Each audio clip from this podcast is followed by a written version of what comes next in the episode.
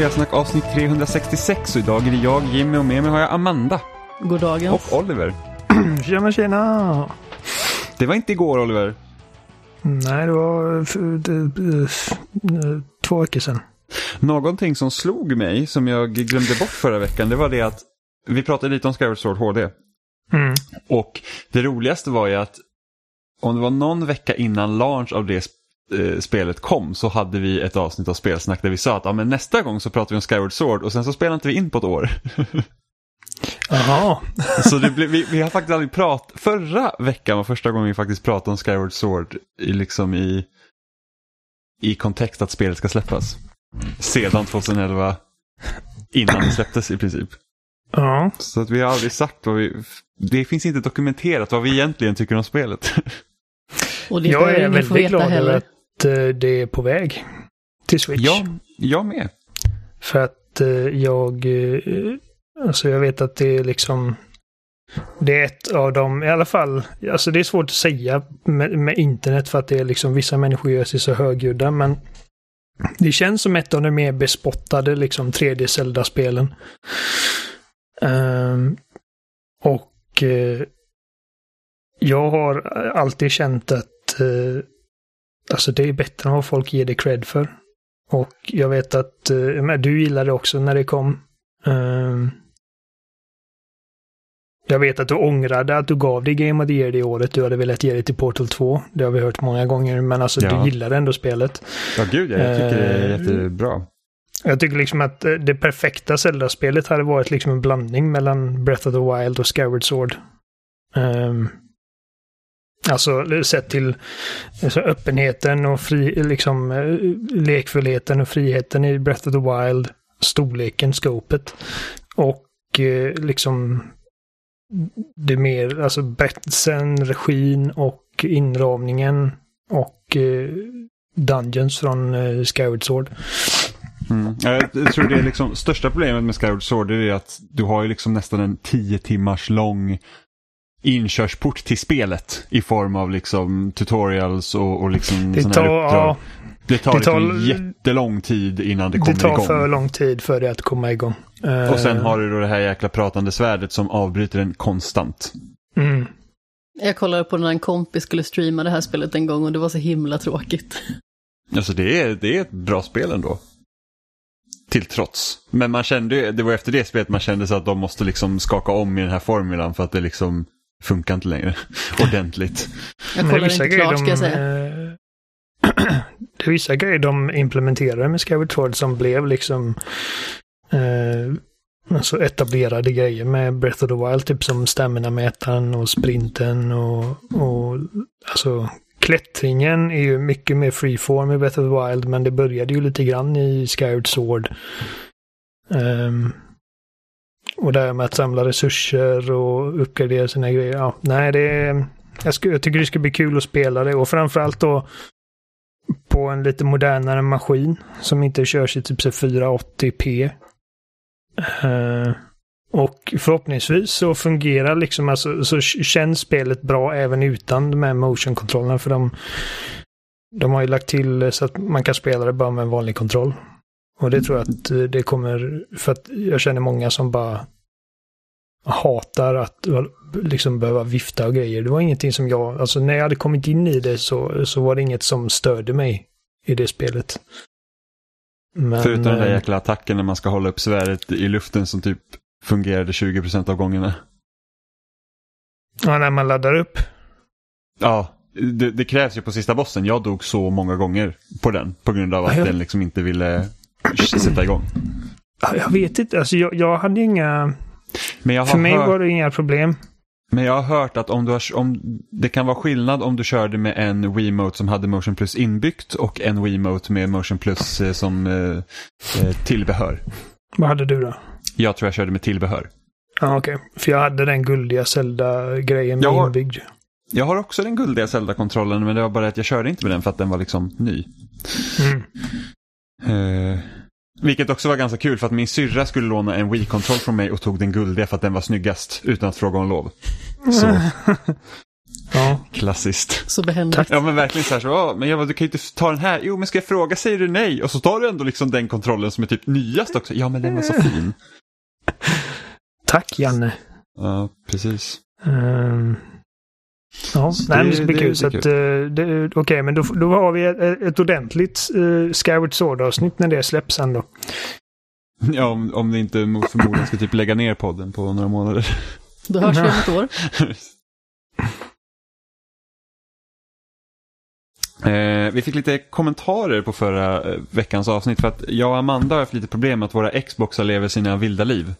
Vi har fortfarande lite problem med det. Vi har fortfarande problem med det. Eh, med tanke på att när vi sätter på våra tv-apparater så går Xboxen igång båda två. Det spelar liksom ingen roll om vilken tv som går på. Båda går på automatiskt. Eh, och då var det eh, Jeremia på Facebook som skrev att man kunde stänga av NNet Plus på tvn för att då ska det, då, då, då ska det tydligen lösas. Och man blir väldigt glad när man såg det här förslaget för att då kanske man tänker att vi hade löst det och eh, på min tv var det redan avstängt och när vi stängde av det på Amandas tv så har det inte skett någon skillnad så det var lite tråkigt faktiskt. Att det inte funkade. Eh, av någon an- jag vet att Amandas tv den har liksom, den ser Amandas Xbox som Xboxen när man liksom väljer i HDMI-portarna. Eh, och det har den gjort hela tiden. Eh, och det, är liksom, det, det här problemet är nytt. Det började först hända när jag råkade trycka på någon knapp så att min tv så här bara, åh jag ska kolla mina HDMI-portar och se vad jag har inkopplat och då så upptäckte den att liksom det är en Xbox One som jag har inkopplat och sen dess har vi haft det här problemet så att jag vet inte hur jag ska lösa det. Och i och med att Jimmy kan starta min tv med sin tv-dosa så startas min Xbox också. Jo, jo, men det är bara att även om du startar din tv och min tv inte går igång så startar min Xbox. Det märkligaste är dock att om jag startar min tv så går också min Xbox igång. Men om jag stänger av min Xbox sen, då stänger jag också av din. Nej, just det, stänger av min tv. Men min Xbox har varit jättekonstig Nej, inte din tv, jag stänger av din Ja, Xbox. din Xbox. Ja, men min Xbox har varit jättekonstig för att om jag stänger av, om jag liksom tar, precis som jag alltid gör, liksom stänger av, Xbox. jag har aldrig en viloläge utan jag stänger alltid av den. Så trycker, håller man in Xbox-knappen och sen tar man så här shutdown. Mm. Den sätter sig själv i viloläge tills den märker sig att åh, han har inte startat den på typ 10 minuter. Då stänger den först av fullt. Vilket också är en så här jättemärklig grej, så har det inte varit förut. Så att, eh, det har... Detta är alltså en Xbox One X och en Xbox One S. Ja, precis. Mm. Eh, Så om ni hittar oss döda så vet ni att det var Ja, Xbox precis. som har gjort det. det är så här maskinerna tar över. Det är kul för min Eh, Xbox Series X eh, flummar sig lite förra veckan också. Jaså? Eh, Vad hände jag med den? Och detta, och detta är ingenting som brukar hända. Det, det har bara hänt den natten och sen aldrig igen. Och då, alltså, jag, jag, stängde ner Xboxen så här vid midnatt, skulle lägga mig. Eh, Se att den här historien börjar redan bra. Vid midnatt av alla tillfällen. ja, ja, men det var sent på kvällen. Så, så jag stängde av den. Och sen fem minuter efter det så satte den igång sig. Ja. Eh, och TV var avstängd och allting. Och jag bara, "Vad fan. Så jag typ gick fram och tryckte, tryckte av den igen. Och så satte jag mig i soffan igen och typ kollade min telefon och vad jag gör för att typ winda ner. Och så sätter den igång sig efter några minuter. Och jag bara, fuck it, jag låter den vara på då. Så gick jag och la mig. Men har du, är, din, är din Xbox Series X på typ instant on? Ja, den. Då kan det ha varit att den liksom startar igång sig själv för att ladda ner en uppdatering. Det är möjligt. Men jag har aldrig, mär- jag har aldrig märkt liksom att För den när, gjort det liksom. när den gör det här Xbox... ljudet, du vet, startup-ljudet. Ja. Jag vet att när Xbox One var ny och jag var hemma hos eh, Capus och sov över där. Mm. Då, eh, då startade hans konsol mitt i natten för att den skulle ner en uppdatering. Och eh, original Xbox One den var ju betydligt mer högljudd när den startade än vad de senare konsolerna var. Mm. Så, så mitt i natten så helt plötsligt har man ett jävla lysande X i pannan.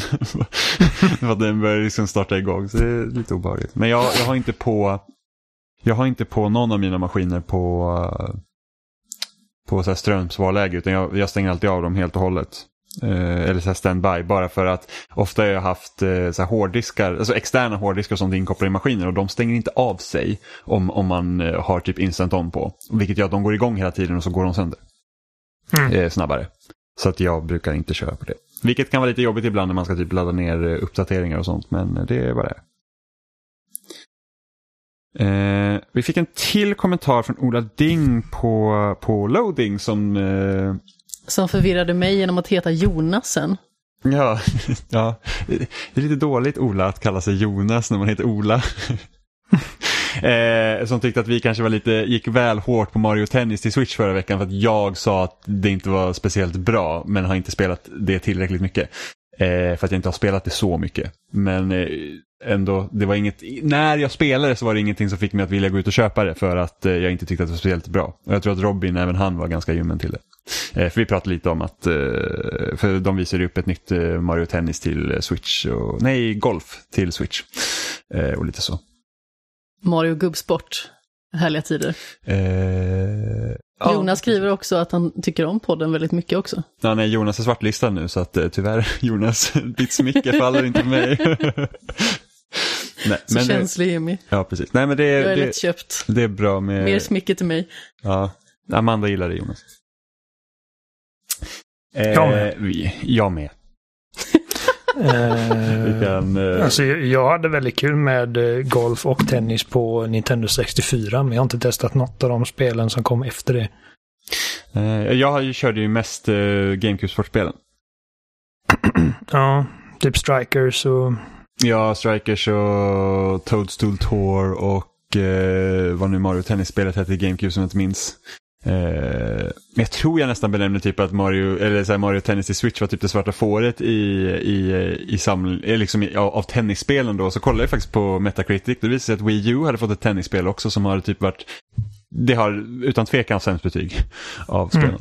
När vi kollade hur många timmar jag hade spelat olika spel, nu när man kan se det på Playstation 5 visade det sig att jag hade spelat det här PBA-spelet typ 40 timmar också eller något sånt. Ja, vilket är helt otroligt. Alltså, tyckte du att det var bra det spelet?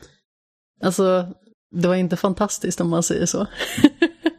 Men jag försökte slå alla. Ja, gjorde du det då? Det minns jag inte. Du skulle ta Platinum till och med i det sa du väl? Jag hade tänkt det. Ja. Det gick inte så bra. Nej.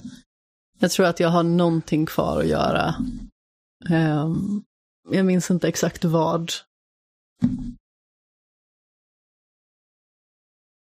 Nej, nej, inte jag heller. Lite dåligt av dig kan jag tycka. Ja, kan jag faktiskt tycka. Eh, men under veckan så har det också varit en hel del spelnyheter så vi hade en ny State of Play från Sony angående spel som ska komma till Playstation 5. Var det någonting där som fångade ert intresse? För jag tänkte inte att vi ska gå igenom hela listan av vad som visades för att eh, folk kan titta det själva. Men, men finns det någonting så här så att oh, det där ser kul ut eller det där såg jättetråkigt ut eller det där, ja. Jag vill börja med att bara liksom kasta lite shade på Alexander. För att han håller på och hypar upp mig varje gång någonting händer. Han bara oh, Elden Ring kommer, Last of Us PS5 kommer och God of War Ragnarok kommer och Horizon 2 kommer och Ratchet kommer och eh, det är typ de kommer köpa upp Bluepoint. Detta är vad jag prediktar jag bara oh! Alltså jag vet ju att han liksom bara tar allt det här ur röven. Men Ja. det är liksom, samtidigt så blir jag liksom bara, om min fantasi börjar skena iväg. Och så börjar jag tänka, ja men alltså, ja, okej, ja det ska bli kul. Och sen så blir det bara bajs av alltihop. Och så tänker jag bara jävla bunten på Twitter. Ska avfölja honom. Nej, det ska Ale- inte. Ale- Alexander gör ju det med flit för att, för att det är så himla lätt för folk att få uppmärksamhet genom att bara skriva bullshit. Alltså många sådana här som då skapar rykten, de har liksom sett någonting som... Antingen tar de verkligen... Alltså det finns ju tre varianter av bullshit-rykten. Antingen så kör man typ så här... Åh, det här, det här är liksom min våta dröm i, i spelutannonseringar liksom. Och så kör man alltid det och så ser man de här, du vet, eh, de här eh, A4-papperna. Sen de ska sitta, de sitter och printa ut de här grejerna för digitala event och så massa felstavningar och sånt. Och man säger att det där är bullshit liksom. Alltså man ser ju bara, typ som innan Nintendo Directen så stod det typ så här, ja typ F-Zero och man bara, F-Zero är dött. Ehm, så, ja, men liksom, det är på den nivån. Eller så har du den här som tar så här, typ nästan allt som är bekräftat redan. Liksom, det, det är så himla... Det är typ 99,9% chans säkerhet att det här kommer visas upp och så skriver de det och så får de massa cred för det. Eller så gör man som Alexander så hittar man bara på. Liksom, Ja, Som ändå kan vara rimligt. Men det är liksom det är hans, han har gjort det till någon form av grej. Liksom att, så här, att oj, jag kan också typ bara skriva saker skit och sen så kanske man träffar rätt. Liksom. Alexander ditt rövhål. Alltså, ja nej. Eh, äh, men alltså, okej. Åtminstone är han inte som en gammal kollega till mig som sa typ att åh, jag har källor på att Bloodborne 2 bekräftas på E3 i år. Eller typ, åh, jag var på 343 och där såg jag att Halo, Halo Anniversary 3 är på väg. Och jag bara, ah, okej, okay, ja men du, jag vet att du har varit på 343, du var där och kollade ditten och datten. Och eh, okej, okay, om du säger liksom att ja, ja då, då, då väntar vi på det. Fan vad coolt. Och sen så kommer det aldrig. Jag bara, du din jävla skitsnackare. Um, så Alexander är i alla fall inte, liksom, han sitter i alla fall inte och säger att åh, jag har källor på ditten och datten. Så att jag, jag, jag ska inte vara alldeles för hård på honom. Det var bara att det var just hans tweet som fick mig att börja tänka på grejer. Så, uh, ja, nej. Mm. Alltså State of Play var ganska trist. Ja, den var inte så tycker... minnesvärd för jag kommer nästan inte ihåg någonting av den. Jag tycker, alltså jag gillar Housemark men Returnal ser fan inte roligt ut. Uh, Varför ser det, inte kul ut? För att det, det, ser, det ser ut som ett så här liksom... Bara... Det mest generiska, bara liksom lågbudget shootern. Tänk typ Recore. Fast utan någon form av estetisk liksom... Eh, vad ska man säga, hook. Och... Men, eh, men alltså, du, ska alltså ty du tycker alltså att det ser liksom... För att jag tycker ändå att det ser... Jag tycker det ser påkostat ut. Det ser ut. relativt nice ut ändå. Alltså Recore såg ju ut som ett budgetspel från början. Det tycker jag inte Returnal ser ut som. Alltså Returnal har liksom, de har uh, snygga, vad ska man säga, uh, assets och typ huvudkaraktären ser väldigt väl detaljerad ut och uh, alltså det finns ju br liksom bra partikeleffekter och grejer. Men jag tänker liksom när man kollar på animationerna, liksom, det ser inte ut som hon har någon vikt. Hon bara rycker fram och tillbaka. Och liksom, och detta är som sagt bara baserat, det kan vara en helt annan, annan historia när man faktiskt spelar det. Jag kommer förmodligen inte spela det. För att PS5-spel är så jävla dyra. Ja, du vill inte betala 849 kronor för ett spel som du eh, kanske inte kommer köpa. Eller nej, kanske inte kommer utan, gilla Nej, jag reserverar de summorna till spel som jag vet att jag kommer gilla. Jag, jag, vet ju att jag kommer liksom... Även om det tar emot så kommer jag ju skaffa Ratchet. Liksom, för att det är Ratchet. Ja. Men Returnal ja, men det... och liksom... Uh, ja, nej. Uh... Det, det, var som när du, du gav en så fin present häromdagen. Så här, presentkort på PSN. Och, ja. eh, och, och kollade liksom så här att man, när man drog bort den summan från Demon Souls då var det typ så här, det är fortfarande dyrt alltså. Det känns fortfarande som att betala fullpris på det. så att det liksom man bara så här, ja, det, det, det, det är fan dyrt med Sony-spel alltså. Ja, alltså hade jag varit eh, miljonär så hade jag köpt det åt dig helt och hållet. Men eh, Ja, nej, det, det är Summa dyrt. summarum, alltså. Jimmy borde skaffa bättre kompisar. ja, precis. Uh, nej, nej, det, men alltså det, det, det, är liksom, det är inte så, men alltså det är verkligen så att nu sparar ju de pengar och köper, köper, handlar någonting annat för dem, men, men ändå, det är en så här att det känns fortfarande som att betala fullpris och det har i princip tagit bort hälften. Var det mm. inte din kollega som sa att du hade skaffat en sugarmamma? Ja, just det. Vart är mitt Demon Souls, Amanda? ja, jag hade tänkt att vänta tills du fyllde år. Ja. Så när sådana ja, då kan du lägga in resten av pengen där Amanda på hans födelsedag. ja men nu är det faktiskt så att Emma, Emma och Robin har fått tag i PS5 nu och eftersom jag och Emma vi delar ju liksom spel sinsemellan så att nu har jag Demon's Souls i alla fall. Så det löste sig. Så nu kanske vi lägger det på ett annat spel som vi kan spela ihop då? Ja men precis. Vi får se. Men eh, alltså jag är autopepp på Returnal. Men det är nog bara för att jag har gillat alla Housemark-spel som jag har spelat. Ja, ja men det, det är som, som sagt, jag gillar Housemark och jag tycker att de är, de är jätteduktiga på vad de gör. Liksom, de, typ, ingen gör de här liksom twin stick shootersen bättre, eller ja. Jag kom på att min favorit twin stick shooter är Geometry Wars 2. Men ja, ni förstår vad jag menar, de är grymma på det där. Resogun är ett asbra spel. Mitt favoritspel med dem är nog uh, Matterfall dock. Som är lite så här Metroidigt fast lite mer rätt fram. Mm, ja, det har jag inte testat. Nej, det är väldigt så, roligt. Så det, jag, jag, jag drar liksom ingen... jag, jag drar ingen pleasure i att säga att jag inte tycker House, äh, äh, Returnal ser bra ut. Jag bara... Äh, jag menar, jag tycker det ser, det ser generiskt och trist ut. Och förhoppningsvis så liksom får jag äta upp de orden och så kommer jag sitta här på podden och säga att ah, men det är fan asbra. Men vi får se. Men det som Eh, håller mig ifrån liksom att vara pepp på det spelet det är just att det, det här med Alltså det har liksom samma upplägg som typ Hades och och den typen av spel med eh, alltså slumpmässigt genererade banor. När, liksom när man dör och går om. Liksom att det är den typen av spel. Ja, det visste jag inte Eh, ens. Då är jag ännu men- mindre pepp på det. Precis, och det är så att Nog för att jag har spelat massa sådana spel som Dead Cells och Spelunky och jag tycker att de spelen är roliga. Men inte roliga för den pengen känner jag. Liksom att, att jag hade nog inte betalat 700 Vet spänn vi till hur mycket Hades till exempel. kommer kosta? Kommer det kosta 700 spänn? Jag har för mig att det, det är satt som 70 dollar. Och då är det Mm. ju 849 här. Ja. Egentligen borde det vara Eh. 600 någonting. Jo, precis. Men det är alla de här extra... Nej, fast det är jättekonstigt för att eh, om man tittar sen på Kina, The Bridge of Spirits eller vad det nu heter. Eh, det är ju satt som 40 dollar och det kostar på PSN eh, 419. Jaha. Så att då är det ju nästan liksom, då har man nästan kört liksom rakt av tiotal. Liksom. Och Kina Så- ser så- fan inte ut som ett budgetspel. Nej, det gör det inte. Det, alltså det tycker jag, jag... eh, Jag visste inte att de hade satt det på 40 dollar. Det, det förvånar Nej. mig lite faktiskt. Trailern Mm. gjorde inte så mycket för mig dock för att jag, jag tycker så att strider och sånt det tycker jag är absolut det tråkigaste att se. Det är så att okej man, alltså- kan, man kan slåss. Vad kul. Liksom. Oj, vilken överraskning. Ja, men det är lite Det så att okej man kan slåss. Det var inte mycket, nej det var inget särskilt med den här trailern som gjorde mig mer hype på det. Liksom det alltså jag, tycker, jag tycker fortfarande att det som ser mest spännande ut är bara hur, liksom, hur fint det är. Och, eh, det, det ser ut som en Pixar-film liksom. Ja, men typ. Ehm, så att eh, det ser jag väldigt mycket fram emot att... Nej, men Ifall det kommer ut och betygen landar på så här sex, då, då väntar jag nog med det. Men alltså...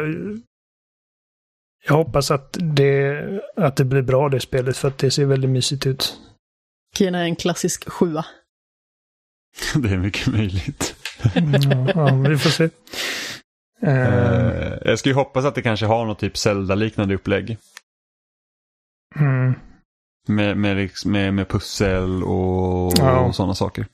Ja, vi får Det se. Jag vet trevligt. faktiskt ingenting. Men eh, alltså bara för att avrunda mina sista tankar på Returnal. Alltså det är...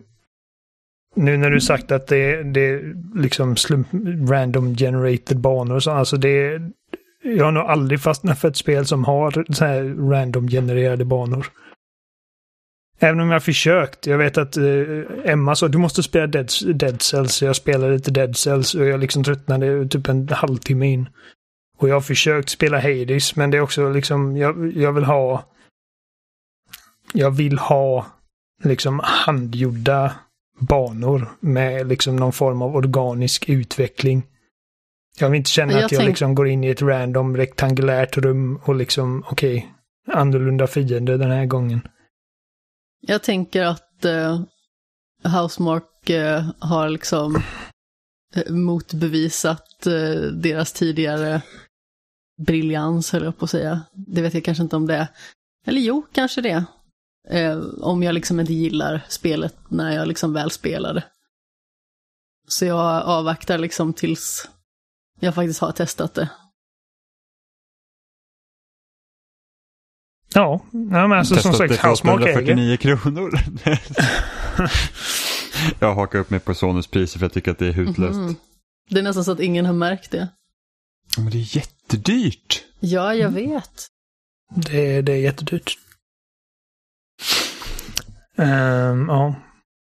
Vad var det mer? Vi har, vi har nämnt Kina. Oddworld ser ut som alla andra Oddworld-spel som har släppts de senaste tio åren. Så att det, det är inget som eh, intresserar mig. Jag har aldrig riktigt aldrig fastnat för Oddworld. Ehm, Jag har aldrig spelat Oddworld-spel faktiskt och det ska ju komma med PS Plus så att då kanske man kan testa. Ja, jo, men testa kan man, Ja, precis. Det, det tyckte jag, ja men det var, det var en trevlig... Det var kul. Så april så är det med PS Plus. Det är nice. Eh, och jag vet att det, det är en serie som har sina liksom väldigt dedikerade fans och det är liksom ändå en ganska respekterad spelserie så att eh, det, detta är inte jag som säger att åh, det är en värdelös spelserie. Det är bara att jag aldrig riktigt hittat mitt fotfäste i den serien. Även om jag gillar designen. Um, Final Fantasy. Uh, och någon typ så här, alltså någon expansion grej som kommer. Jag kommer inte ihåg vad titeln är för att de har så konstiga titlar på allting. Square det kommer Enix. heta Final Fantasy 7 Remake Integrate. Integrate, ja precis. Så att få mm. PS5-uppdatering, vilket är gratis för de som har spelet på PS4 redan, vilket är nice. Och sen mm. så får man ju då köpa till expansionen på PS5, för det är enbart där den kommer att släppas. Mm. Och, det, eh. och det känns ju som en sån här grej som är till för typ Final Fantasy 7 superfan, för att jag har liksom Nog för att jag spelar Final Fantasy 7 originalet och remaken men jag har liksom, känner inte att jag har någon relation till Yuffie liksom. Nej, det finns inte en chans att jag spelar i det sättet. Alltså, det enda jag är intresserad av när det kommer till Final Fantasy 7 Remake är när nästa del kommer. Uh... Så jag kan nog tänka mig att spela Yuffie DLC ändå. Men det är liksom inte som att jag har ju sett många som varit helt liksom lyriska över det på Twitter till exempel och jag är så att det, det är liksom inte Alltså, och det beror ju liksom på vilken relation man har till den karaktären. Jag har ju liksom inte den så det blir ju så att jag bara säger ah, ja men det, det är liksom kul att det kommer mer Final Fantasy 7 för jag tycker det spelet är riktigt, riktigt bra. Mm.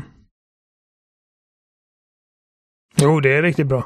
Eh, och musiken är skitbra, vilket de påminner mig om när de spelar upp musiken för mig i trailern. Mm. Uh, men som sagt, jag kommer nog inte spela någon DLC och jag tror inte jag kommer spela om det på PS5 heller, även om de har ökat bilduppdateringen och allt det där, för att det är liksom ett ganska matigt spel och... Um, det var så pass nyligen vi spelade det också känner jag. Ja, precis. Och det finns så mycket annat att spela, säger jag som eh, spelar om massa saker just nu. Jo, jag med i och för sig, men uh, alltså, så mycket tyckte jag inte om spelet. Jag och JRPG. Är, är det något mer från State of Play som ni känner att det är värt att nämna? De hade något dodgeball-spel som, um, som jag aldrig hört talas om, men tydligen, det, det var tydligen utannonserat någon gång före så att det var inte helt nytt. Eh, vilket jag känner att det där, det där ser ut som ett liksom, ultimat PS Plus-spel. Liksom, någonting som kan vara kul. Bara för att man har Men... tillgång till det. Eh, det känns liksom som att det är någonting som är bra idé på pappret men förmodligen inte kommer vara lika roligt som man tror. Ja, alltså det, det är alltså, svårt det, att säga. Alltså, jag kan också tänka mig att sådana, alltså det svåra med, med multiplayer-spel och sånt är ju det att för att det ska vara kul liksom en längre stund så kräver det att det kommer in nytt folk hela tiden. För att hoppar man in sent och alla är superbra då är det jättesvårt att komma in i det. Så att jag har ju spelat en del Worms Rumble den senaste veckan bara för att ha liksom ja, men något som man kan hoppa in, köra tio minuter och sen liksom sluta. Men många av de som spelar är ju liksom max level. Och det, mm. och det, är liksom, det händer så mycket på skärmen så att man säger jag, jag, hänger liksom inte, jag hänger inte med. Och då blir det ju automatiskt att säga att jag vet inte fan om jag vill liksom lägga tid på det här och bli bra på det för att tröskeln just nu är så pass hög för att jag ska tycka att det är kul. För att folk är så bra på det. Och det är inte jag än. Och liksom då ändå kanske spelat en två, tre timmar eller någonting sånt och det är fortfarande så att, ah, jag vet inte liksom. Och det är ju sådana spel som kanske inte liksom får så liksom att det kommer, ja men som typ Bleeding Edge förra året. Det, liksom, det kommer och sen så spe, spelar man liksom två veckor och sen så rör man det aldrig igen. För att det liksom, antingen det är inte tillräckligt kul eller sen så man uh, kanske inte spelar på en vecka och sen uh, de som faktiskt nördar det ordentligt blir så pass bra att det är liksom svårt att komma in i det.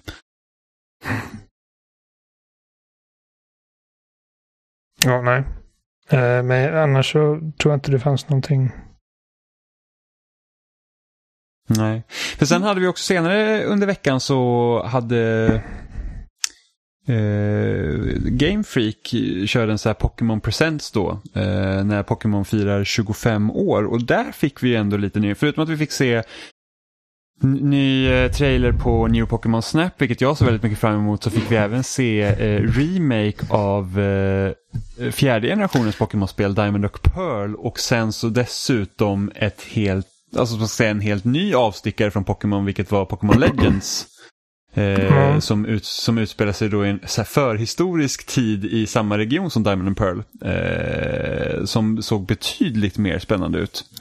Det här är perfekt just nu för att eh, jag typ slutade bry mig om Pokémon för typ tio år sedan ungefär och då medan ni pratar om det kan jag gå och evakuera ändtarmen. Så jag kommer tillbaka snart. Ska du gå på toa Oliver? Han gick på toa. Ja, jag är jättebajsnödig. Jaha. Fortsätt prata, herregud, jag kommer snart. Okej. Ser du fram emot Pokémon Amanda? Jag är Eller så paralyserad av Olivers ändtarm just nu. Du, du, det var en mening jag aldrig trodde jag skulle få höra. vad, eh, vad har du för relation till Pokémon? Jag tror vi liksom aldrig egentligen har diskuterat det. Alltså vi har ju diskuterat det i annan podd. Jag eh, tycker väldigt mycket om Pokémon, framförallt under första generationen och jag har ju spelat mest Blue och eh, Yellow otroligt mycket. Jag har spelat Red även när det släpptes till eh, Virtual Console på, ska vi se, Nintendo 3DS. Så de tre har jag spelat som mest och eh, även Crystal. Och sen så blev det liksom lite Moon. Men eh, däremellan så känns det som att det finns ett ganska stort hopp. Så jag är väldigt liksom fäst vid nostalgin kring Pokémon. Mer än hur det är i nutiden. För jag känner liksom att jag har ingen koppling till de nya Pokémonsen till exempel. Eh, på något vis. Och eh, när man, man har ju en viss igenkänningsfaktor till eh, typ Vaporeon och Squirtle och alla de här liksom, som man känner igen sedan första generationen när man gick runt med sådana här små samlargubbar och kort och fasen och hans moster liksom på rasterna i skolan. Och både du och jag var ganska perfekt egentligen i ålder när de spelen släpptes. Mm. Så den relationen har jag till Pokémon. Så när jag tänker på Pokémon så tänker jag ju liksom på den absolut äldsta versionen av serien egentligen. Och även tv-serien till viss, till viss del som man ju följde på typ TV4 eller någonting sånt. Mm. Diamond and Pearl är senaste gången jag hade riktigt kul med serien. Det, in, innan uh, Sword och Shield så var ju Diamond and Pearl de senaste spelen jag faktiskt klarade ut och, och spelade ordentligt. I, eh, mer än att bara köra kanske två, tre gym och sen liksom säga att ah, det, det är lite för likt. Och sen slutar jag spela eller något annat kommer i vägen som gör att jag inte spelar vidare. Jag tyckte om Moon när jag spelade. Jag tyckte om det väldigt mycket och gav det ganska bra betyg vill jag minnas till och med. Men eh, sen helt plötsligt bara så eh, falnade intresset och jag spelade inte klart det. Ja, jag gillade inte Sun alls. Jag, jag tyckte att det var, det var så här. 1-1, jag har... För övrigt så jag tycker att pixelspelen ser mycket bättre ut än, än deras liksom 3D-spel. Jag tycker att den stilen de har anammat är jag inte jätteförtjust i. Eh, och då tycker jag ändå att av 3D-spelen tycker jag att X och Y har sett bäst ut. Eh, och då är, kör man lite mer den här chibi-grejen. Vilket remaken av Diamond and Pearl är. Eh, också lite mer så här, vad ska man säga, snuttifierad. Eh, även om jag ändå är förvånad över att, att den remaken de gör nu ser ju liksom ut att vara en, liksom, precis som Let's Go-spelen, en rak remake. Det, det, för man tänker ju så här att jag tror att varje gång de har gjort remake av spel innan så har det liksom byggt på liksom huvudserien då av den nya huvudserien. Så att när Fire Red och Leaf Green kom så, var, så baserades det liksom på Game Boy Advance-spelen som var Ruby och Sapphire. Eh, och kört den progressionen. Och sen nu med eh, de här remaken så känns det som att ja, men vi, vi, vi, vi, gör liksom, vi gör en mer trogen remake. Så att du har liksom det här utnätet och man det är liksom inte så fritt och öppet som till exempel Sword och Shield var. Eller är. Jag vet inte om jag kommer spela remixen av Diamond and Pearl för att eh, det har aldrig varit någon favoritgeneration och jag vet inte, jag känner liksom inte att jag har något behov av att åter, alltså, återbesöka den världen när den i princip kommer vara liknande som den faktiskt var då. Alltså min dröm hade ju varit, speciellt typ när Let's Go-spelen kom, det var ju så att okej, gör, gör Kanto som en, som en stor öppen värld. Liksom, gör om hela världen i en 3D-miljö. Istället för att liksom köra den här 2D så att det är precis som man alltid har sett det. Så att man vet exakt hur allt ser ut. Eh, det är väl lite mer den varianten jag hade velat haft. Och då så är det ju faktiskt det andra projektet betydligt mer spännande som är då Pokémon Legends. Eh, som utspelar sig liksom i en, i en eh, långt innan Diamond and Pearl när de utspelar sig. Eh, så att det finns liksom inga städer och, och så.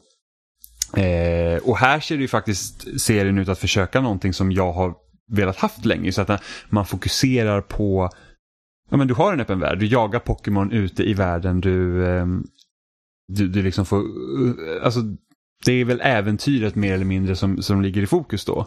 Eh, och det som är lite synd med, eller ja, inte synd, men, men det jag oroar mig för det här projektet det är ju det att att det, det är liksom inte helt steget fullt ut mot hur jag skulle vilja att ett, ett Pokémon-spel skulle se ut liksom i en sån här öppen värld. Um, just med tanke på att tidseran de har lagt det och sen har de sagt den här staden som de visar upp, det är, liksom, det är din huvudbas i princip. Och sen så går du ut därifrån och letar efter Pokémon. Då, då kanske det heller inte kommer bli så liksom, det blir inte den här, åh, du reser över liksom hela regionen och, och, och, och eh, letar efter Pokémon och, och får sig nya karaktärer och sådana saker. Utan det, det är liksom så att det är mer begränsat. Um, för det jag skulle vilja ha det är det här med att man, liksom, man kan se en Pokémon-horisonten och man bara, åh wow, den där har jag aldrig sett förut. Och så går man och jagar den. Liksom den typen av grejer som jag skulle vilja ha från ett, från ett, eh, ett Pokémon som är satt i en öppen värld.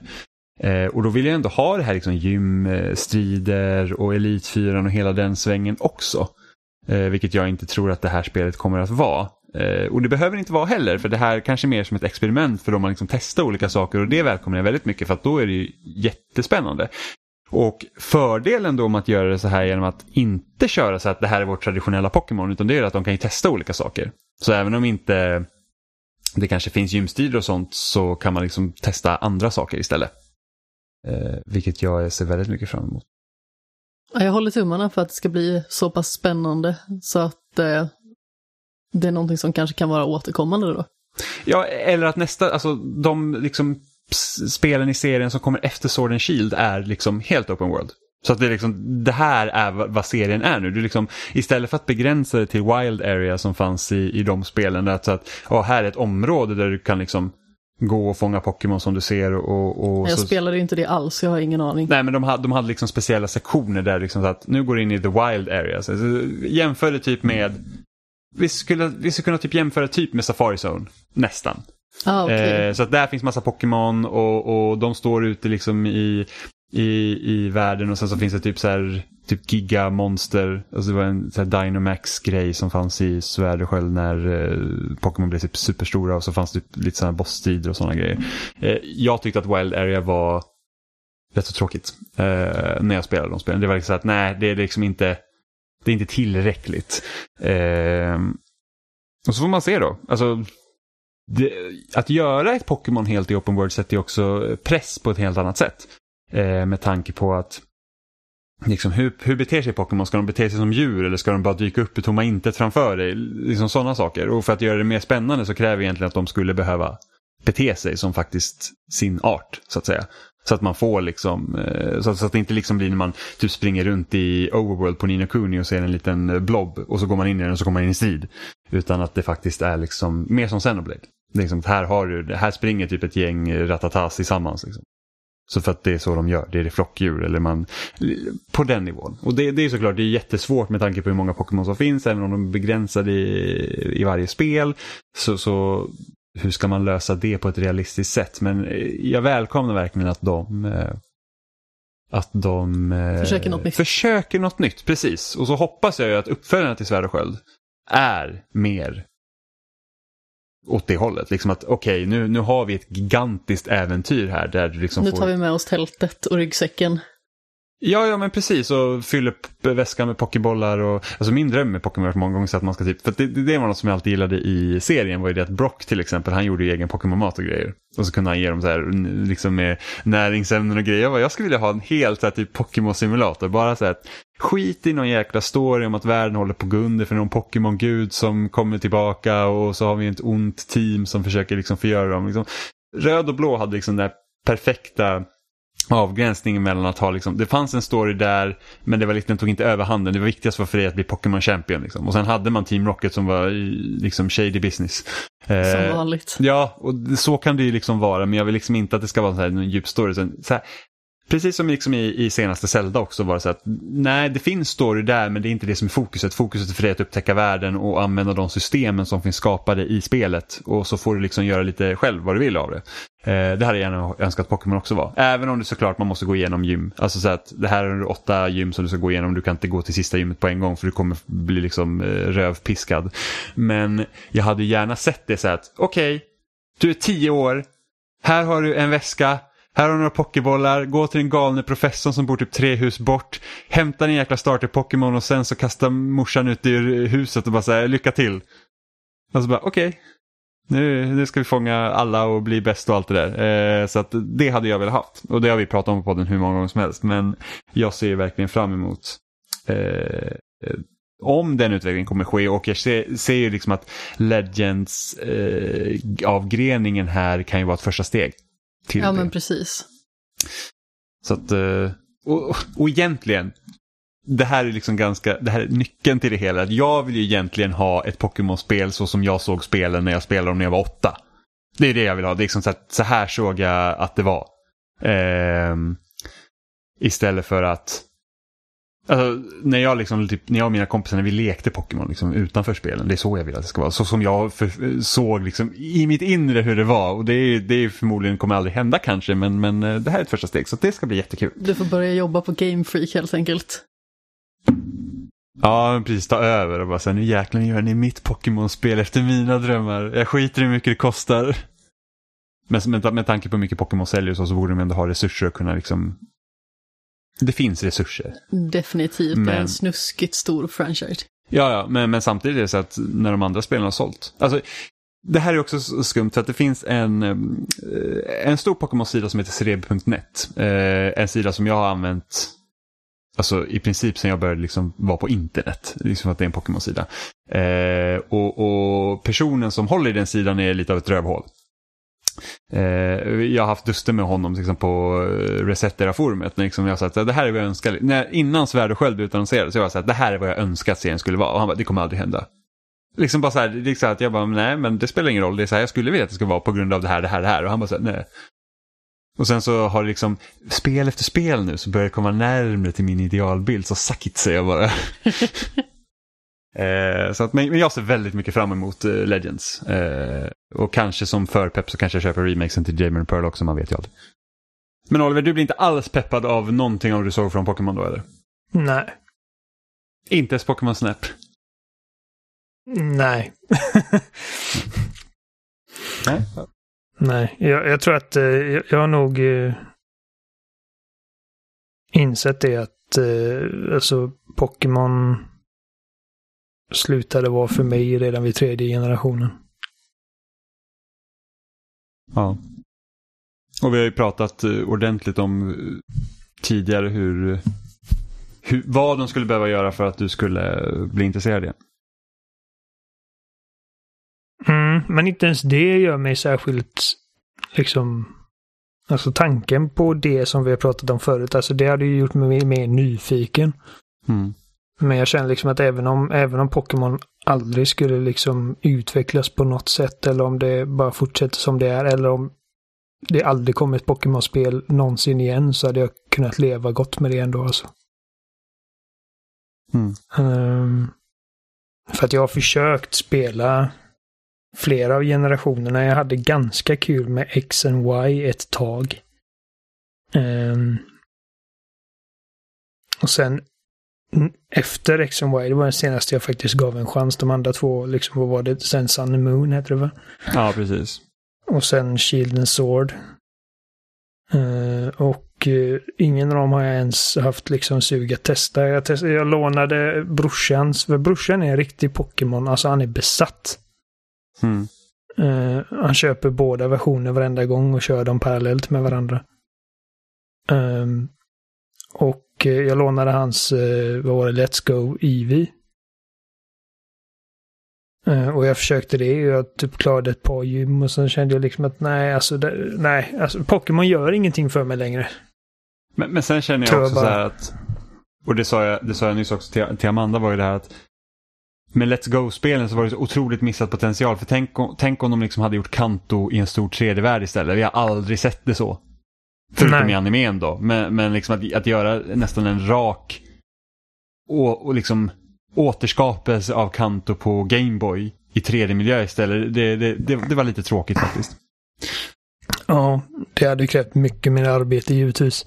Jo, jo, men Eh. liksom så här att hej, det här är liksom vart spelen började. Tänk vad vi kan göra idag och hur det kan se ut. Och bara Mm. wow. Det hade liksom det, det hade alltså skjut upp liksom Sword and Shield liksom och kör det där som typ det stora Pokémon-spelet som de faktiskt släpper och, och, då hade det liksom varit wow. Alltså hade jag tyckt då. Ja, det hade nog, alltså det hade ju mest troligt hållit mitt intresse betydligt längre än vad Let's Go Eevee och Pikachu gjorde i alla fall. Mm. Eh, och eh, liksom det som du beskrivit, liksom att man kan typ att man har liksom en mer öppen värld och eh, att det inte bara är liksom random encounters utan att du faktiskt kan se typ Articuno flyga över horisonten. Mm. Det, det låter ju betydligt mer spännande än vad Pokémon är just nu. Mm. Eh, men, men samtidigt så... Jag tror att serien betyder ingenting för mig egentligen. Så att... eh, nej. Det är nog inte för mig bara. Men vi har väl spelat lite den här veckan också. Mm. Med betoning på lite. Ja, så vad, Ja, vad, lite vad, är det, vad är det lilla du har spelat då, Amanda? Alltså, jag har fortsatt att spela Super Meat Boy Forever och det har varit ganska så perfekt för att jag har kunnat spela det medan jag har kollat på dokumentärer och lite sånt. Så då har jag kunnat köra lite multitaskande på det viset liksom. Och sen så startade jag eh, Persona 5 Dancing in Starlight som i stort sett är likadant som Persona 3 Dancing in Moonlight. Bara det att det liksom är andra dansbanor helt enkelt. Så det är ganska så skönt att bara liksom slappna av och spela lite granna. Som någon form av palettrensare. Och sen så började ju du och jag Jimmy att eh, äntligen ta tag i Arkham City. För vi har ju sagt att vi ska spela igenom alla Arkham-spelen. Och så spelade vi igenom Arkham Asylum i fjol. Och eh, sedan blev det ett ganska stort hopp. Tills vi började med City. Och jag lovade ju dig att vi skulle spela på Xbox. Ja, Så nu spelar jag på Xbox. det stämmer. Jag, eh, jag har inte spelat City sedan det i princip släpptes, så det börjar ju bli tio år sedan. Vilket känns helt sjukt att tänka på. Jag släppte, Ja. jag släppte City.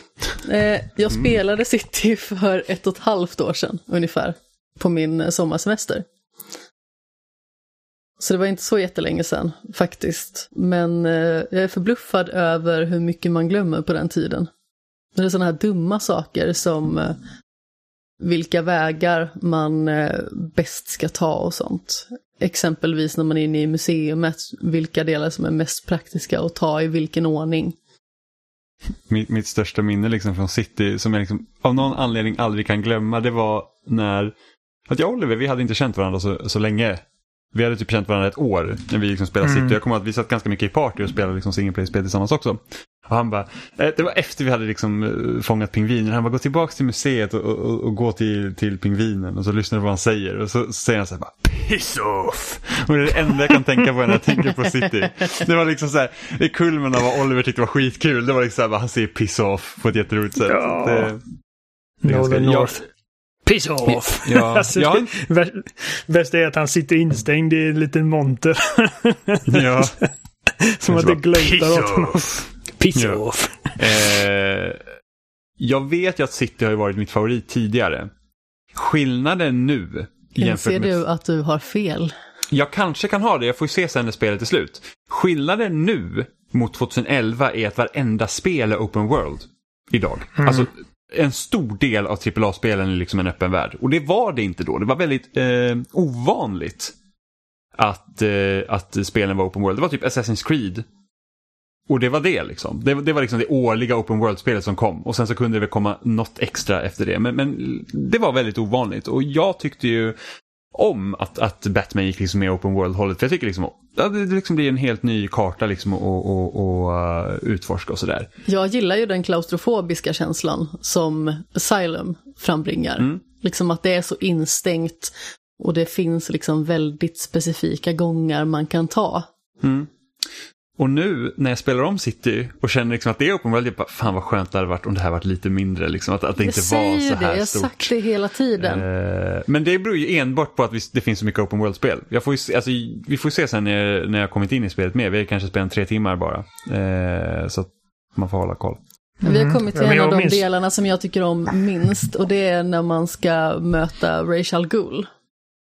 Ja, ja, äh, det, det, ja, jag håller med. Det är nog den svagaste delen av spelet. Det blir för out there och weird. Ja men det är väldigt myskofikt och sen så den striden mot honom är inte alls rolig. Och eh, den här eh, myskofika hinderbanan som man ska ta sig igenom, eh, den är inte heller så jätterolig. Men alltså Nej. City är ett jättebra spel överlag. Men eh, just de grejerna liksom med Rachel Ghoul, de hade man ju kunnat eh, ja, minimera kanske är ett mer rimligt ord. Alltså jag, jag tyckte också att eh, City var eh, det bättre spelet när det kom. Eh, dels så för att det liksom infriade liksom det här löftet eh, om att sitta på liksom en gargoyle och liksom titta ut över staden, du vet, och sen göra liksom en lång kappglide och sen bara sparka någon i röven. Eh, liksom, ja. Det, det är en del av Batman-upplevelsen liksom. Eh, och sen också att, att ta med liksom eh, som Pingvinen och, och Two-Face, liksom även om särskilt Two-Face inte är med jättemycket så det bara, det bara kändes som en... Jag gillar de skurkarna och eh, Mr. Freeze och ja, det, det var bara kul att se liksom fler av de här karaktärerna i den här tappningen. Eh, och jag tycker att striderna är betydligt Alltså striderna sitter bättre, de sitter som en smäck i, i, i City. Och, Ja, eh, de, de, är- de flyter på jäkligt bra. Jag tror det är den största skillnaden. Eh, Ja. Där någonting har liksom blivit bättre. Det är att striderna känns mycket mer eh, följsamma. Striderna kändes bra redan i Arkham Asylum också. Så att det, det är ingenting som gör att jag inte kan liksom eh, njuta av första spelet. Men, men det är definitivt ett, ett ställe där de verkligen har liksom eh, filat på det och liksom gjort det mer typ snappy och eh, tillfredsställande och att man nu kan liksom eh, kontra upp till, vad är det, typ tre, fyra fiender samtidigt och ja, det, ja, det, det känns betydligt bättre. Men jag tror att precis som du säger med att liksom åren och eh, ska man säga spelindustrins liksom utveckling har omkontextualiserat de här två spelen. Eh, för att nu, nu, nu känner jag ändå att jag föredrar Asylum på det stora hela. För att det känns mer fokuserat och eh, det, är inte, det är inte lika ofta som att man bara liksom delar runt på liksom små grejer. Ehm, så att, Eh, ja. Jag misstänker att det är där jag också kommer landa. Mm. Eh, för sen en annan grej jag också stör mig på det är det här att, åh vad kul att samla massa saker. Liksom att, visst, det fanns Riddler-troféer i första spelet också. Vilket Mm. liksom, det var väl rätt så kul, men liksom, nu har du en öppen värld, det blir helt plötsligt ännu mer. Eh, och det är liksom saker överallt och du kan inte ta med en viss karaktär och, och här har du inte de här grejerna än så du kan inte ta det här än, så måste man komma ihåg det. Och, och så för att sen gå över liksom till Night där det liksom bara helt exploderar av collectibles. Alltså jag tror att jag skulle bli Ja. helt bränd om eh, jag skulle försöka ta allting i city. Jag har ju tagit allting i Asylum förutom att bli klar med vissa av de här eh, typ strids och eh, smygarutmaningarna. Men att plocka allting rent fysiskt, det är ju liksom inte så komplicerat. Och i och med att det är en så begränsad yta så blir det så himla mycket mer rimligt. ja, det känns, inte, det känns inte som att det är liksom överväldigande. Eh, Och här känner jag bara så här, nej jag vill faktiskt inte. Och det är därför Jimmy sa att han skulle liksom kanske gå ut och samla lite grejer och sådär. Och jag bara så här, det gör inte jag. Jag vill bara spela huvudberättelsen. Och eh, jag tror att är det något av de här Arkham-spelen som jag kommer ta Platinum i, för det är ju vad jag liksom siktar på, så är det ju Asylum. Eh, Jag har som sagt lite utmaningar kvar, jag ska spela om det en gång på hard, för jag tror att jag spelat på normal typ alla gånger. Och eh, kan vara någon liten sån här smygtrofé till med något obskyrt som man ska göra. Men eh, Ja, det ska bli intressant faktiskt att spela de andra spelen. Tycker jag. För det, att, roliga, eh, alltså, det är kul för att eh, Arkham Knight är det enda jag har Platinum i. Jaha, Det tog tid. ja det kan jag tänka mig. Eh, jag, jag var nära på att ta alla de här Ridley-troféerna och allting i första spelet. Men jag gjorde det liksom på, på en fil där jag hade klarat allting och vissa av de här banorna eh, förändras. Exempelvis när det växer nya träd och sån skit genom vissa byggnader. Så att den guiden jag hade, den stämde inte överens. och jag visste, det kanske till och med var så att det var liksom en bugg eller någonting jag råkade ut för. Så att jag blev liksom utlåst från att plocka de sista två procenten av allting. Aha, Så jag, jag har gått liksom och slaviskt samlat allting och sen så kan jag inte göra det sista. Så att, eh, då kände jag bara, alltså, vete fan om jag någonsin orkar göra om allting liksom. Mm. ja, men det var ju lite Eh. roligt för när vi spelade Asylum då i somras, då spelade jag ju först på Xbox. Och sen så gick jag över till min sparfil på Playstation 4, vilket var den jag hade spelat senast och plockade allting i den. Så jag tror att jag är Mm. över i 75% eller någonting sånt. Ja, jag samlade inte allt på Asylum på 360. Jag gjorde det nu på Xbox One. Mm. City tog jag allting. Där, där gjorde jag allt eh, i det spelet utom att typ klara stridsutmaningar för jag tycker att det är skittråkigt och eh, jag klarar inte spelet på hard för att jag inte är tillräckligt bra. Och så ska jag klara det på hard menar du? Ja, men du kanske är mer envis.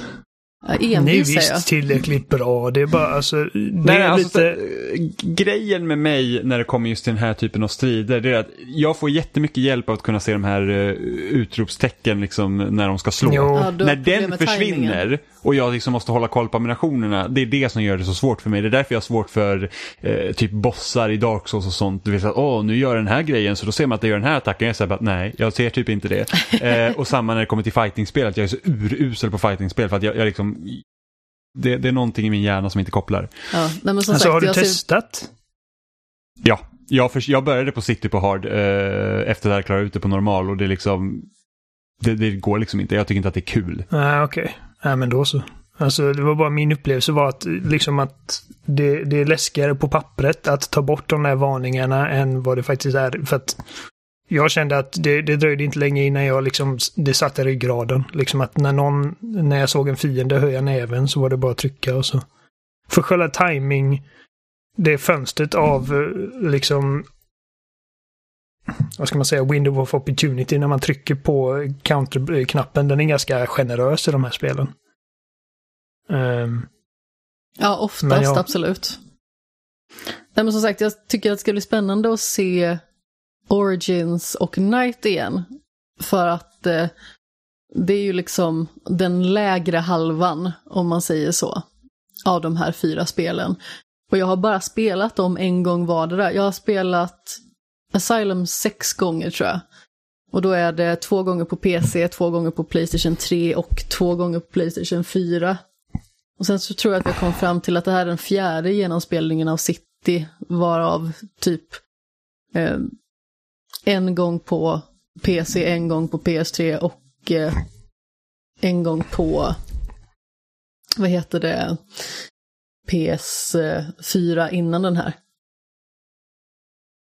Ja just det, jag spelade ju på Xbox One också naturligtvis, på eh, Asylum. Men eh, så jag har ju liksom tagit igenom de här två första ganska så många gånger. Och det var ju väldigt ovant framförallt då när jag spelade på Playstation 3, när jag spelade City andra gången. För att då fick jag inte Catwoman med. Så då blir det ju ett väldigt annorlunda spel.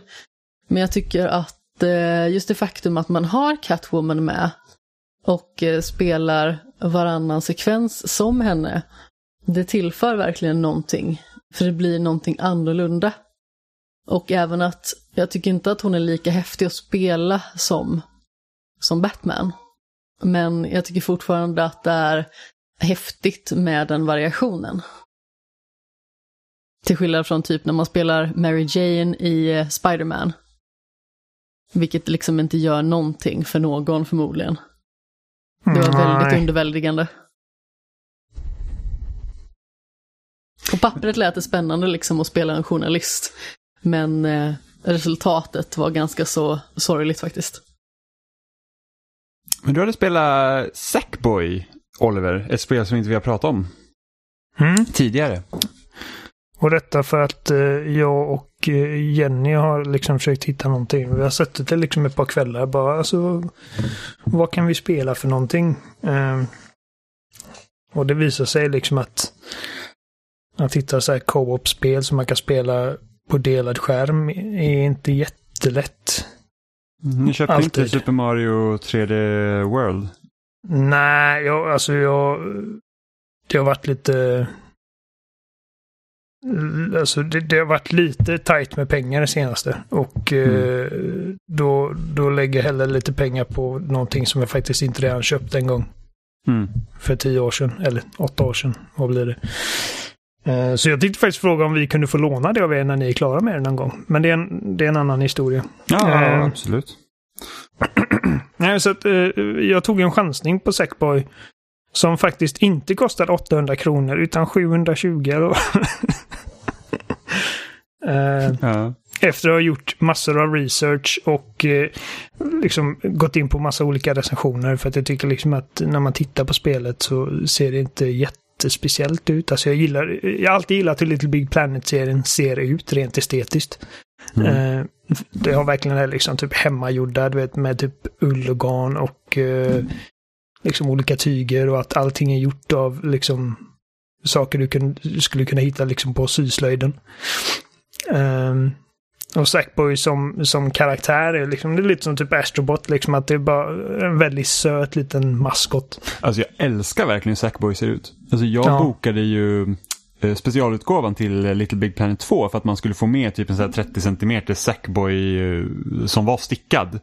Mm. Och sen så tog de in den utgåvan i Europa. Eller de liksom, den kom inte till Europa sen. Av någon Nej, anledning. synd. Ja, jättesynd för att jag tycker verkligen Sackboy ser helt fantastisk ut.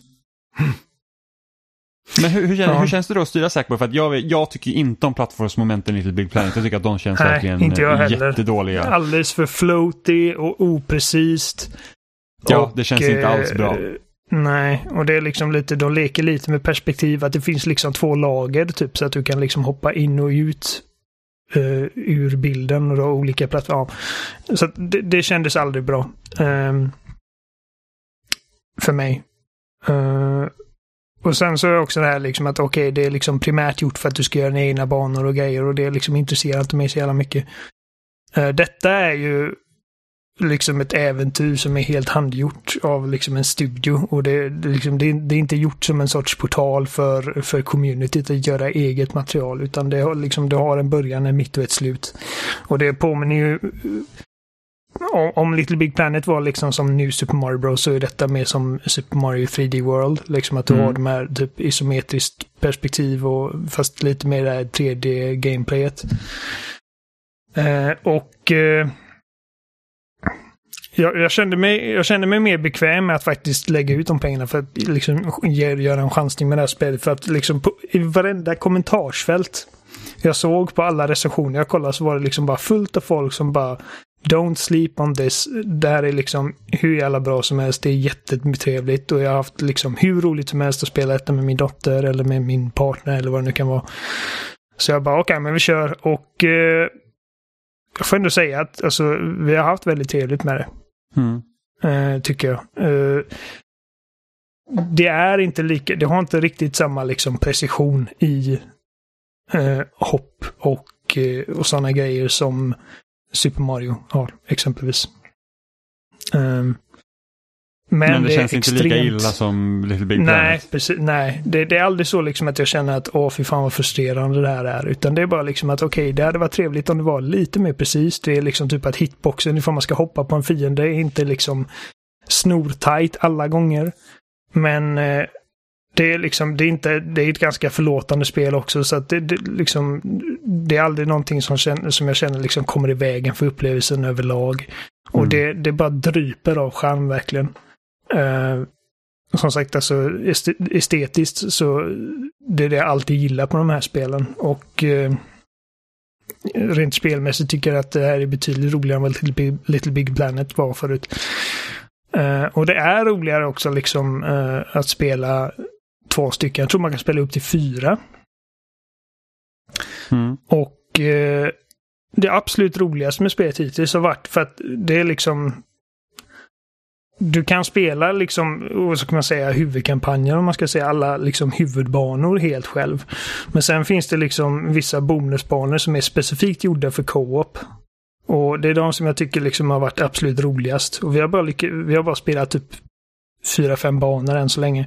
Mm. Uh, så vi har låst upp en av de banorna, men den var jävligt kul. Så, så då gällde det liksom att jag skulle plocka upp Jenny och slänga upp henne på en högre avsats. Så kunde hon liksom dra i en, liksom, i någon sorts uh, spak som gjorde att hon öppnade upp en stig för mig. Så att ja, uh, det inte bara blir att för jag känner med Super Mario 3D World när vi spelar dem så är det liksom att vi bara springer liksom framåt och det är inte så mycket som... Alltså vi, vi kompletterar inte varandra på något spännande sätt. Och många gånger på de vanliga banorna så blir det lite så i Little Big Planet också. Men de har gjort vissa grejer som att när det finns liksom en typ en tightrope som man ska gå över. Så, så lägger de upp eh, två stycken och eh, så har de sådana här typ time challenges, liksom att man, man plockar upp en grej så, så spanar det massa sådana här bubblor som man ska plocka på båda de här repen. Så att både jag och Jenny har liksom varsin liten grej att göra då och då, även på de vanliga eh, banorna. Mm. Eh, och sen är det bara kul, alltså man kan typ eh, smiska runt varandra. Jag kan kasta upp henne och slänga henne utanför banan bara för att jävlas med henne.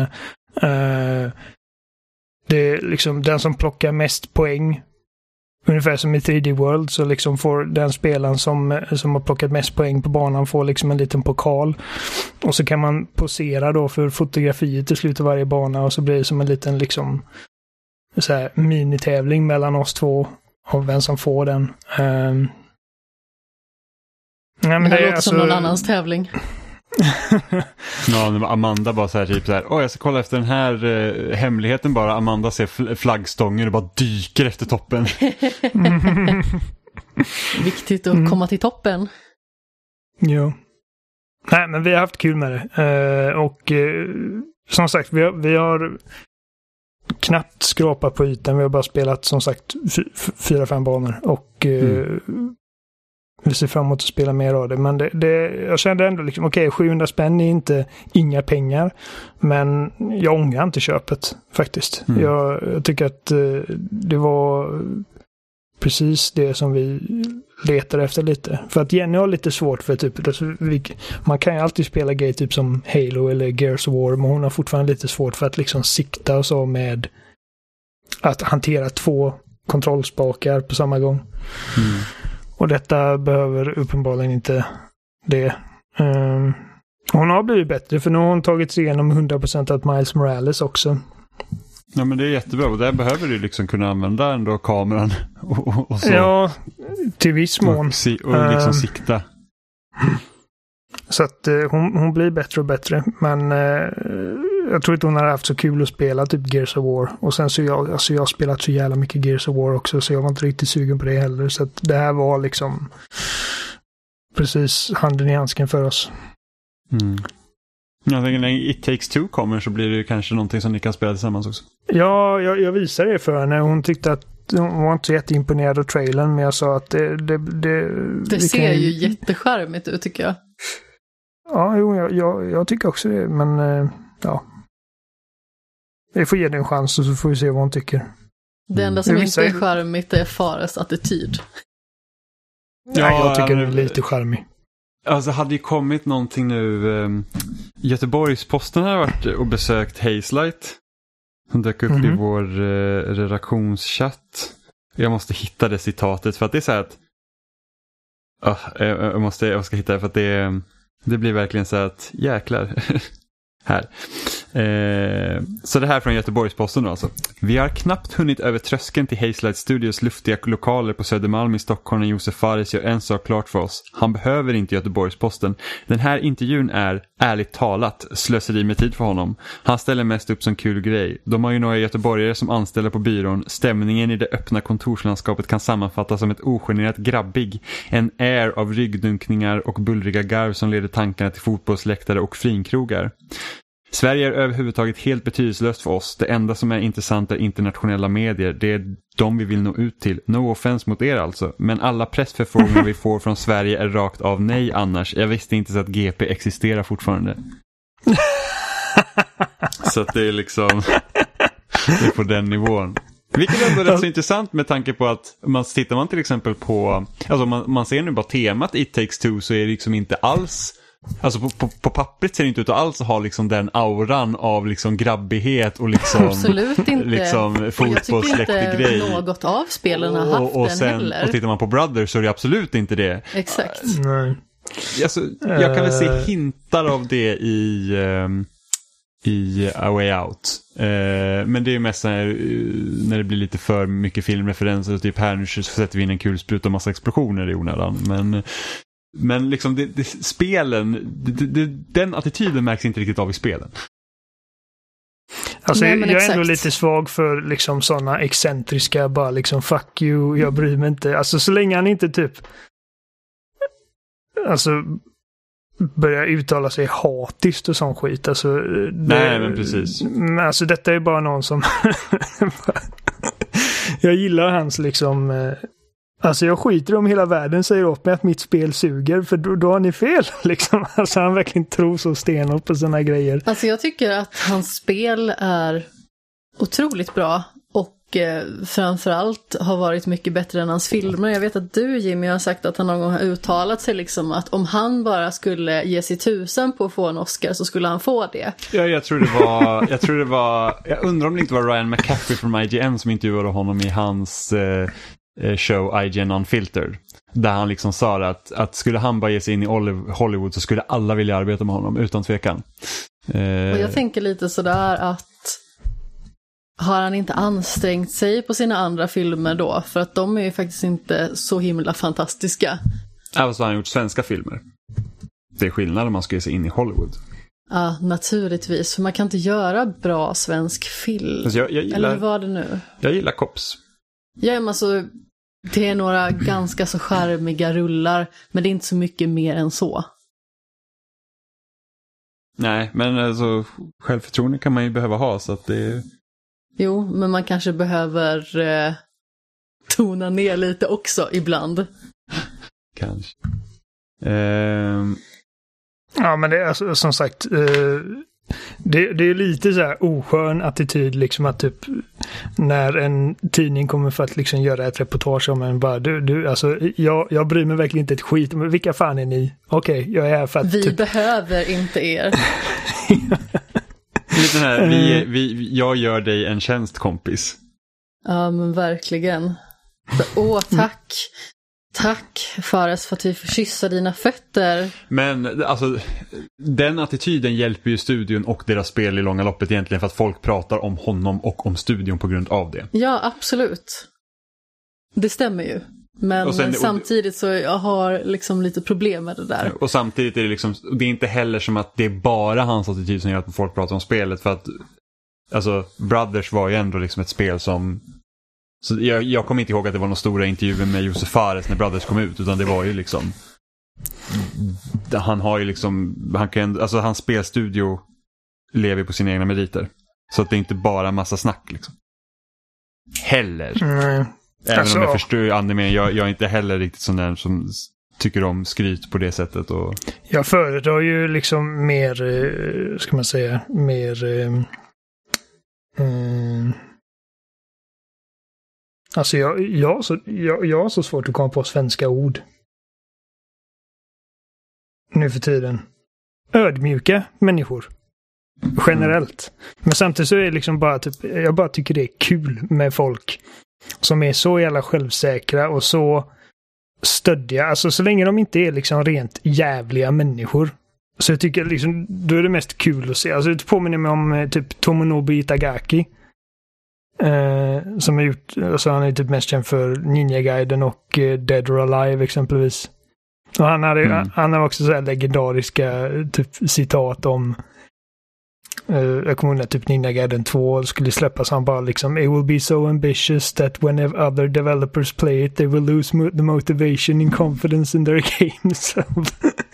Och liksom varje gång någon har typ tagit upp den här liksom svårighetsgradsfrågan, typ liksom.